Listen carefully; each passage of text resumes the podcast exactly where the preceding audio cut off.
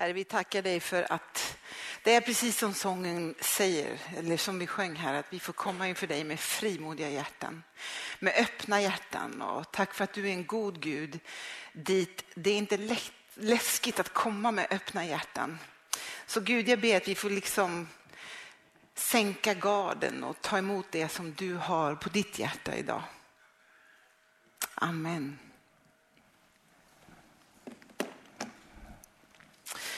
Gott nytt år, eller god fortsättning eller vad man nu säger så här den 2 januari.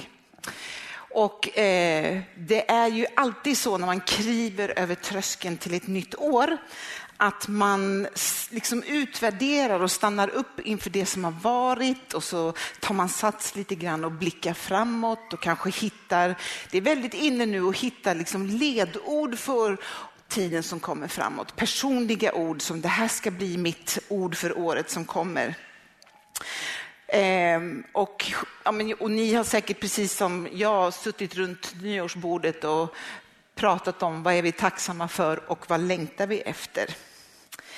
Och när man utvärderar ett år, så har jag en liten låda här med lite saker i. Så ibland så kan man liksom tänka så här, att det är liksom så många olika bitar som ska försöka hamna på plats och passa ihop. Det är arbete, det är skola, utbildning, val av utbildning. Det är fritid, jag ska motionera mer eller mindre, jag ska äta rätt. Eh, hur ser det ut med kärleken? Hitta rätt person att dela livet med, få ihop familjen, eh, sociala medier, pengar, min ekonomi. Och så just det, jag är kristen också, så Jesus, ja, okej, okay, han får väl flytta sig in lite mer här i mitten, tror jag blir central. Och så församlingen, jag leder lovsång, jag kanske är med i söndagsskolan och så smågruppen. Och så ska vi få ihop allt det här och bygga pusslet och försöka se den här bilden. Livspusslet är ju det vi pratar mycket om. Och jag vet inte om ni också när ni utvärderar ett år liksom känner att det finns pusselbitar som har hamnat ute i periferin men som borde bli mer centrala i mitt liv. Och så finns det de som har blivit centrala och som borde liksom få flytta ut i periferin lite.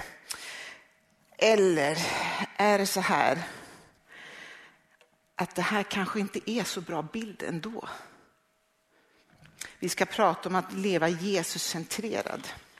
Kanske är det en helt annan lek vi ska leka. Kanske är det så här istället. Att leva Jesuscentrerat. Nu skulle jag plockat isär den här innan såklart. Det innebär att när vi får fatt i Jesus, att han faktiskt får vara kärnan, att han får vara centrum, att han får vara det som vi bygger alla våra livsområden på. Att han får vara, Gud hur kan du bli centrum på min arbetsplats? Gud, hur kan du bli centrum i mitt val av utbildning bland mina skolkompisar? Jesus, hur kan du bli centrum i min familj? Hur kan jag liksom bygga mitt liv med klossarna kring Jesus och vem Jesus är? Hur kan... Nu hamnar lite i fel ordning här, men det får ni... Det gör ingenting, bara de är centrerade och sitter fast där de ska, eller hur? Hur kan mina pengar centreras kring vem Jesus är, vad Bibeln säger? Hur kan min församling blir mer Jesuscentrerad? Hur kan det som vi gör liksom byggas på det som är centralt? Det är det vi ska prata om idag.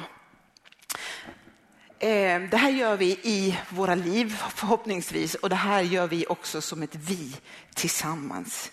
Och vi tillsammans har formulerat det så här att vi har en gemensam vision och den har vi formulerat i en enda mening. Vi vill leda människor till Jesus. Och sen vill vi hjälpa varandra att följa honom i allt. Vi vill hjälpa människor att liksom lägga sina livsbitar kring Jesus. Och varför då? Jo, för han är, precis som Eva sa om smågrupperna, lysande, briljant. Han är det bästa vi vet. Han är räddningen för den här världen. Han är lösningen, han är början, han är slutet och han är den som vi också sjöng här, som bär ett gott slut på hela den här världens eh, slut. Och så stannar det liksom inte där, för Jesus gav oss ett uppdrag att gå ut och göra alla folk till lärjungar. Döp dem i Faderns och Sonens och den helige Andes namn. Församlingen är en gemenskap med ett uppdrag, att leda människor till Jesus. Och så ska vi hjälpa varandra att följa honom i allt. Det är så som vi i Immanuelskyrkan har formulerat det eller lär dem att hålla alla bud. Men vi säger hjälp dem att följa honom i allt. Och hjälp varandra att följa honom i allt. Och det spelar ingen roll hur länge du har gått med Jesus. Alla kan hjälpa varandra på något sätt. Och det här är inte ett litet uppdrag. Det är ett jättestort uppdrag. Och på ett sätt lite tröstlös för vi kommer aldrig att bli färdiga med det här uppdraget. Vi kommer aldrig att få uppleva segerns sötma av att yes, där sprang vi i mål. Vi får ha delsegrar för varje människa och vi får ställa till fest precis som Jesus gjorde för varje människa som ser och upptäcker Jesus och att han får bli det centrala i en ny människas liv. Vi får också ha segrar i när människor inser vikten och bygger sina livsklossar kring Jesus. Och sånt ska vi fira. Men hur gör vi då i en församling 2022 för att vara en sån plats där vi leder människor till Jesus och där vi lyckas med att hjälpa varandra att följa honom i allt. Det som sagt ska vi hålla på med nu ett par veckor framåt. Och vi vill påminna oss om det som är vårt uppdrag. Vi vill påminna oss om det som är vår församlings ledord. Eh, och jag vill bara sticka in här att passa nu på, kära smågrupper, smågruppsledare, i de samtal ni för i familjen, i de sammanhang som ni ses i. Att prata om de här bitarna. Prata om hur kan jag bygga mitt liv kring Jesus? Hur kan jag vilken bit har jag här borta som jag vill hantera själv och vilken behöver hamna kring och bygga på Jesus och så kanske vi kan hjälpa varandra i det. För det här uppdraget, det spelar liksom ingen roll om, när eller hur vi bygger en kyrkbyggnad. Det här är ett uppdrag som vi har oavsett. Det här uppdraget är inte beroende av en kyrkbyggnad. En kyrkbyggnad kan hjälpa oss, men det är inte beroende av det. Så därför ska vi vara en kyrka som är Jesuscentrerad, som är det första av våra fem ledord, värderingsord. En värdering som betyder att man värderar någonting högt. Det, det får hög prioritet. Eh, det är värdefullt. Det är som någonting som du äger som är dyrt. Det är du rädd om och det liksom ser du till att du vet var du lägger någonstans och liksom håller koll på. Somligt av det här kommer väldigt enkelt och naturligt, men annat måste man liksom påminna sig om, måste man jobba för. Och det är därför vi gör den här serien. Och det här är en början, men jag tror att vi måste återkomma det här hela tiden. För vi har lätt att liksom bara ojsan, hoppsan och hejsan, ja, men jag kan själv, ni vet. Det lär sig ett småbarn ganska fort och det där lever vi kvar i. När man läser Bibeln så blir man påmind om hur central Jesus är genom från första perm till sista. Hela gamla testamentet pekar framåt på Jesus som frälsaren som, som ska komma till jorden. Nya testamentet berättar hans berättelse om hur han var på jorden när han gick här men också hur alltihopa ska sluta. Därför vill vi att Bibeln, berättelsen om Jesus, ska vara också central i våra liv. Ska vara vår instruktionsbok, ska vara vår guide, vår eh, ja, det heter väl instruktionsbok när man köper en ny prol och liksom, hur gör jag nu för att installera det här i mitt liv? Bibeln säger genom Paulus i Kolosserbrevet att Jesus, han är den osynlige Gudens avbild. Han fanns före skapelsen, han fanns i skapelsen på himmel och jorden, både det synliga och osynliga. Allt är skapat genom honom och till honom. Så Jesus var med liksom när jorden skapades, när du och jag skapades, men också att är skapat för honom. Till hans ära brukar vi sjunga ibland. Tänk att du är skapad till Jesu ära. Tänk att jag är skapad för att kunna förhärliga Jesus. Wow, det är hisnande. Och det här betyder ju att livet handlar inte så mycket om Kim Brynte utan livet handlar om Jesus. Och att jag går mot att ständigt förhärliga honom mer och mer för varje dag som går. Gud har också valt att sammanfatta allt i Kristus, står det. Både det som är i himlen och på jorden. Jesus är sammanfattningen av allt. Hur kan vi då bygga vårt liv på någonting annat? Jesus är den som fanns i begynnelsen, sa vi tidigare, genom allting som blev till och utan honom blev ingenting till av allt som finns till. Jesus var där.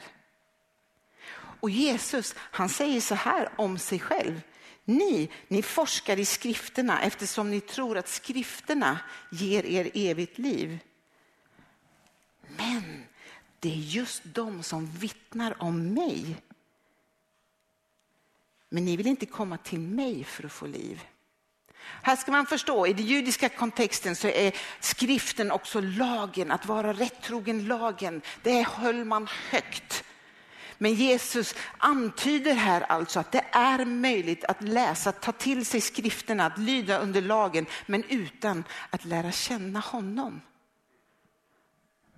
Vi tror att Jesus är liksom allt vad vi behöver. Vi tror att Jesus är vår upphovsman, men han är frälsaren och vi behöver läsa Bibeln. Inte i första hand för kunskap, utan för att fördjupa vår relation till honom. Och vi är omgivna av människor här i församlingen, i våra smågrupper, men också i vår arbetsplats, i vår skola, i våran, där du verkar, lever, där dina grannskaper. så finns det människor som har behov och längtningar som de inte alltid själva har satt ord på. Vårt uppdrag är att älska människor och leda dem till Jesus. Om inte vi visar dem Jesus, då brister vi i vårt viktigaste uppdrag. Då har vi missat målet. Och ni vet, om ni brukar läsa Bibeln, hur, vad Bibeln beskriver att missa målet. Att det är synd. Varje människa på din arbetsplats, i din skola, där du jobbar, i din familj behöver lära känna Jesus och komma till insikt att Jesus är livets centrum. Och komma till insikt att det spelar mindre roll vad jag vill och vad jag tycker. Det spelar mer roll vad Jesus vill och vad Jesus tycker. Och därför vill vi hela tiden utgå från det som är berättelsen om Jesus. Att lära känna honom. Där det också är så att Jesus är Bibelns både stjärna, huvudrollen, men också Bibelns kärna. Därför vill vi att Jesus ska vara Immanuelskyrkans stjärna, men också Immanuelskyrkans kärna. Ryggrad, the core. Paulus kommer vi landa i idag. Han har skrivit 13 brev i Nya Testamentet ungefär. Och i Galatbrevet Eh, så påminner han om det här. Och han, Ja, vi kommer till det. Eh, han har ju ett dramatiskt möte med Jesus i sitt eget personliga liv. Han var på väg att döda människor som trodde och bekände sig till den nya läraren. Läraren, ja, läraren också. Eh, han skulle utrota dem. Nu så har jag problem med uttalet här. Han skulle utrota dem, döda dem. De skulle inte finnas mer. Men Jesus griper in och förvandlar hans liv totalt. Och nu kommer vi att titta på de nästan sista verserna i Galaterbrevet. Och det här är ett brev skrivet till galaterna som fanns i Galatien. Paulus har varit där och han har startat ett helt gäng församlingar. Han har varit där och predikat, han har berättat om Jesus och hjälpt igång församlingar. Han har sett till att det finns en församlingsledning och äldste och sen drar han vidare och startar upp och predikar och bygger nya församlingar på nya platser. Och nu hör han lite oroande nyheter.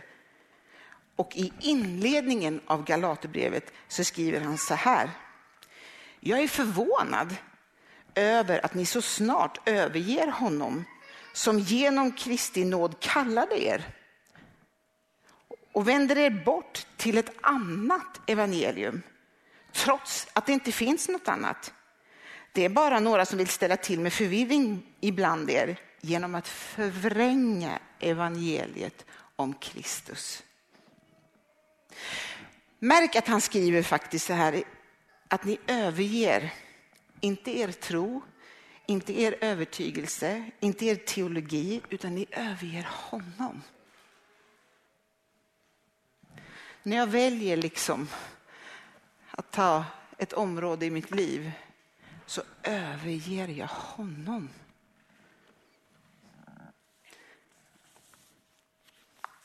Hela Galaterbrevet, och jag önskar vi hade tid att liksom göra en exposé av det. Vi kommer göra det lite grann. Han beskriver det som att gå uppe på en bergkam. Det är den kristna vandringen ni vet, liksom en smal, smal, smal stig som kräver ganska mycket fokus för att inte ramla ner på den ena eller andra sidan av det här berget. Ni kommer få upp ett berg på sidan eh, på, i bilden. Vägen, säger Jesus, det är han. Jag är vägen, säger han själv. Och jag är möjlig att gå med hjälp av den helige ande. Det är så vi har kontakt med både Jesus och med Gud idag. Och så påminner han om korset, Jesu död, Jesu uppståndelse och att det räcker. Det är det enda, det är det viktigaste och det är tron på honom som räddar. Inte hur duktig du är på att följa lagen, vilket är precis det judarna hade levt utefter tidigare. En bild över hela Galaterbrevet ska ni få upp här. Det finns två diken att falla i på den ena eller andra sidan av det här berget. Det ena är att falla tillbaka i en lagiskhet. Nej men du kan ju inte komma hit för du röker ju. Du kan inte, eller ni förstår, man börjar peka pekpinnar och man börjar komma Tyvärr är det ju så att i kyrkliga sammanhang så blir vi ofta anklagade för att Eh, leva efter en syndakatalog. Man bör, man får inte och man ska och man ska duga. Då rutschar vi ner för rutschbanan i lagiskhet. Och där skiner inte solen som ni ser på den här bilden. Jag tror Guds hjärta går sönder när vi går ner i lagiskhet. Men på den smala vägen, där sonen, där han blev korsfäst, det vi sjöng om, där vi får livet och liv i överflöd. På den smala vägen uppe på berget, där får vi möjlighet att gå. Det som är viktigt att komma ihåg dock, att lagen finns för att kunna hjälpa oss att identifiera vad som är rätt och fel. Men det är inte tänkt att vi ska leva under lagen. Det andra diket då? Jo, det som också händer när man har mött Jesus och man har mött hans godhet och man har mött hans frihet så blir man så fri att nu bestämmer jag själv i mitt liv. Vilket inte riktigt är hela sanningen.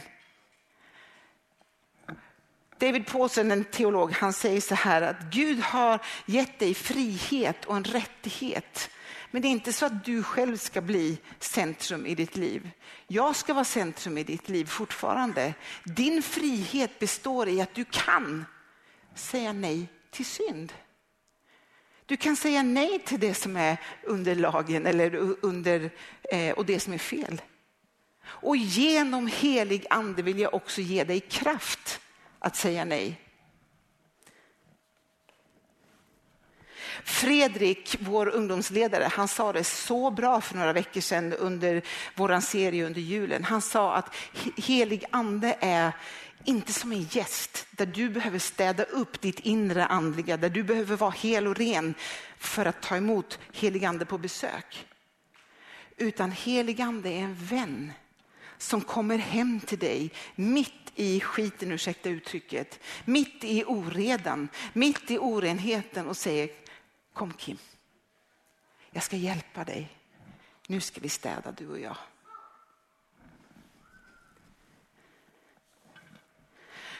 Och den här vägen längs bergkammen, den är smal och den kan ge träningsverk. Man får kanske ont i knäna. Kanske är det så att det är lätt att tappa balansen, gå vilse mellan lagiskheten och människans natur. Därför behöver vi varandra. Därför behöver vi varandra för att kunna följa honom i allt. Medvetna om att den ena gången är det du som behöver hjälp och som är värd att slänta ner för den ena sidan av berget. Nästa gång är det jag. Och då behöver jag ha någon som säger Kim kom igen, du är på väg ner här, upp och hoppa med dig. Vi behöver kunna hjälpa varandra, bära varandras bördor står det i Galaterbrevet också. Och i det så finns det ett hjälpa varandra till rätta. Och Galaterbrevet säger också att gör det ödmjukt så att ni inte faller ännu mer ner på den ena eller andra sidan. Nu kommer vi till avslutande delen i Galaterbrevet. I kapitel 6 då är det som att Paulus liksom riktigt tar i från tårna. Vanligtvis så brukar författare på den här tiden diktera det de vill ha sagt, diktera brev. Någon skriver eh, med, med en sekreterare som är van att skriva. Paulus, han är till åren kommen. Han har förmodligen en hel del åkommor i sin kropp. Han har blivit pryglad, satt i fängelset. Och en del säger att det han inleder brev, eller verserna med här kan bero på det. Men jag tror inte det. Utan det han gör är att han rycker pennan från sin sekreterare. Och så betonar han i kapitel 6, vers 11. Se, jag skriver med egenhändigt stora bokstäver. Och när jag läser de nästkommande verserna så jag, jag, kan inte göra en annan tolkning än att han talar med stora bokstäver. Det här är viktigt. Hör upp, ni behöver höra det här. Det är viktigt. Någon i min förberedelse menade också att Paulus har precis varit i Aten och haft en massa filosofiska diskussioner med folk. Och under vägen så kanske han har påverkats av att jag kan inte gå vilse i filosofiska diskussioner längre. Jag måste komma till kärnan. Jag måste komma till det som är det viktiga. Och så är det som att han liksom säger att det här, det jag säger nu, det är den enskilt största och den viktigaste frågan. Den är så viktig att jag har gett mitt liv för den och jag är beredd att dö för den. Och så säger han till dig och till mig också att den är så viktig att jag vill att du lever för den och jag skulle önska att du var beredd att dö för den. På den nivån är det. Jag talar med stora bokstäver.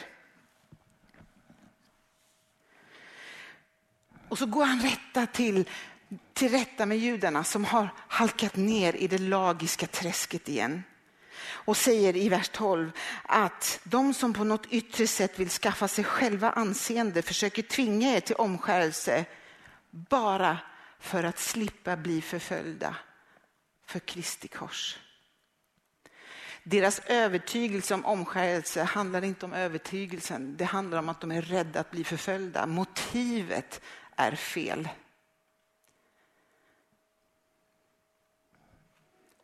De har ett felaktigt motiv i sitt förhållningssätt. Och det här håller på att liksom befästa sig i församlingen.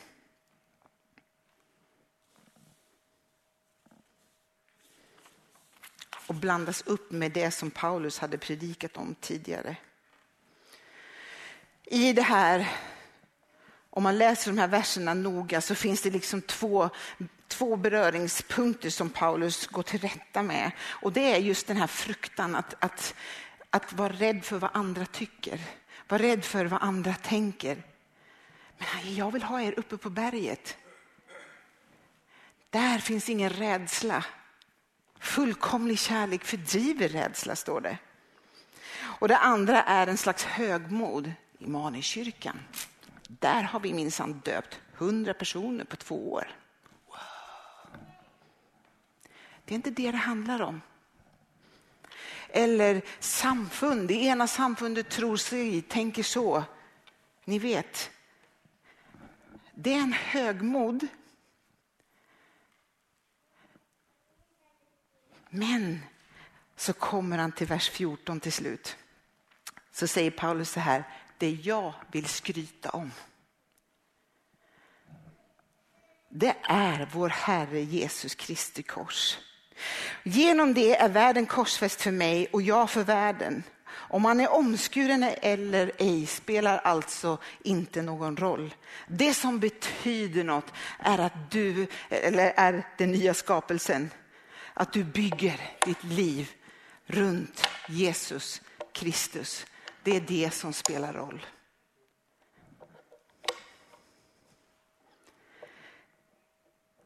Hela världen är korsfäst. Det som världen säger att Kim Brynte behöver, det är dött för mig. Det är korsfäst. Jag behöver Jesus. Och det här låter så söndagsskoleklichéaktigt. Men det är sant. Och vi har så lätt att ruscha ner för ena eller andra sidan av berget. Det här året, 2022 och framåt, så längtar jag efter att vi tillsammans ska kunna hjälpa varandra att leva mer Jesuscentrerat. Där våra bitar får träs på och utgå ifrån vem Jesus är. Som församling så drömmer jag om att faktiskt vi vågar skryta lite, men på rätt sätt. Jag längtar efter att vi får höra berättelser om vad Jesus gör i våra liv. Mycket mer än vad jag gör idag. Där Jesus på riktigt är centrum i våra liv. Där det sprudlar av berättelser. De säger, vet du Kim, jag hade den här biten som var, hände på min arbetsplats. Men nu när jag gav det här till Jesus. Vet ni att Jesus kan hjälpa människor att hitta tekniker för infrastrukturer i den digitala världen? Om man ger det till honom. Fråga min man, han kan berätta sådana berättelser. Jag längtar efter att vi får vara en plats där Jesus är i centrum och där centrala frågor blir centrala och perifera kan få vara perifera. Men att dragningskraften är Jesus, där vi klarar av att gå till rätta med varandra med ödmjukt hjärta. Där vi klarar av att gå med varandra den bit som det behövs till korset. Där vi klarar av att vara en plats där synden liksom, ja, blir, blir förlåten och upprättad som också Eva var inne på. Men det innebär att den behöver komma in innanför dörrarna. Det innebär att du och jag behöver möta den. Det innebär att du och jag behöver säga här, här är centrum, kom. Jag önskar att vi blir bättre på att hjälpa varandra att följa honom i allt istället för att jämföra oss med varandra. Och jag önskar att vi blir bättre på att leda, att älska människor till Jesus och i det hjälper varandra att följa honom i allt. Ska vi be? Herre, vi tackar dig för Paulus sätt att så brutalt och liksom eh, högljutt påminna oss om det centrala i evangeliet. Herre, vi ber att berättelsen om dig, berättelsen om korset, inte bara ska vara ett smycke runt vår hals eller en berättelse som skedde för 2000 år sedan, utan Gud, vi ber att berättelsen om korset får bli på riktigt, på nytt i våra liv. Herre, vi ber om förlåtelse för de sätt vi liksom halkar ner, ruschar ner i det ena eller andra diket av det här berget. Gud, vi omvänder oss just nu. Herre, vi vill gå den här smala vägen och vi vill gå under din sol, under din favör, Gud. Hjälp oss. Herre, tack för att när vi trär vårt liv kring dig så är vandringen med dig liksom, vi trillar inte av så lätt.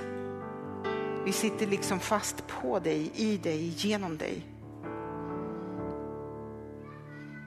Herre, jag ber att du, vi ska liksom det här året som kommer få fästa våra ögon på dig.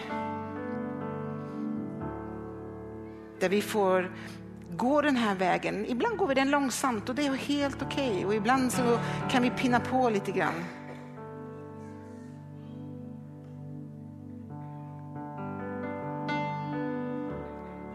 Ta bara någon sekund och, och liksom, om du är det minsta som jag, så tror jag att du har närmare till det ena diket eller till det andra.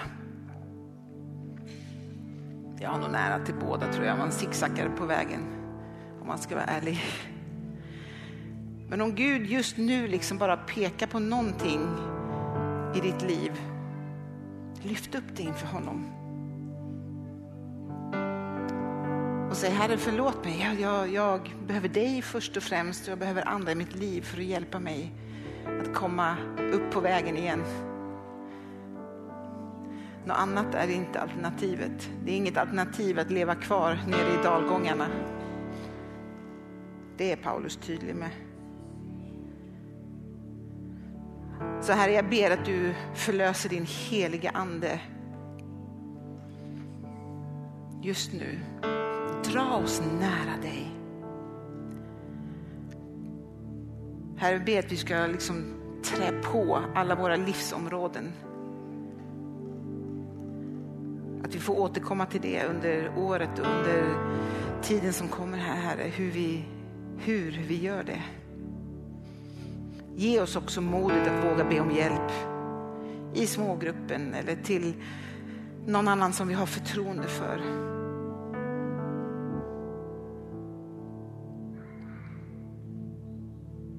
Kom, var vårt centrum.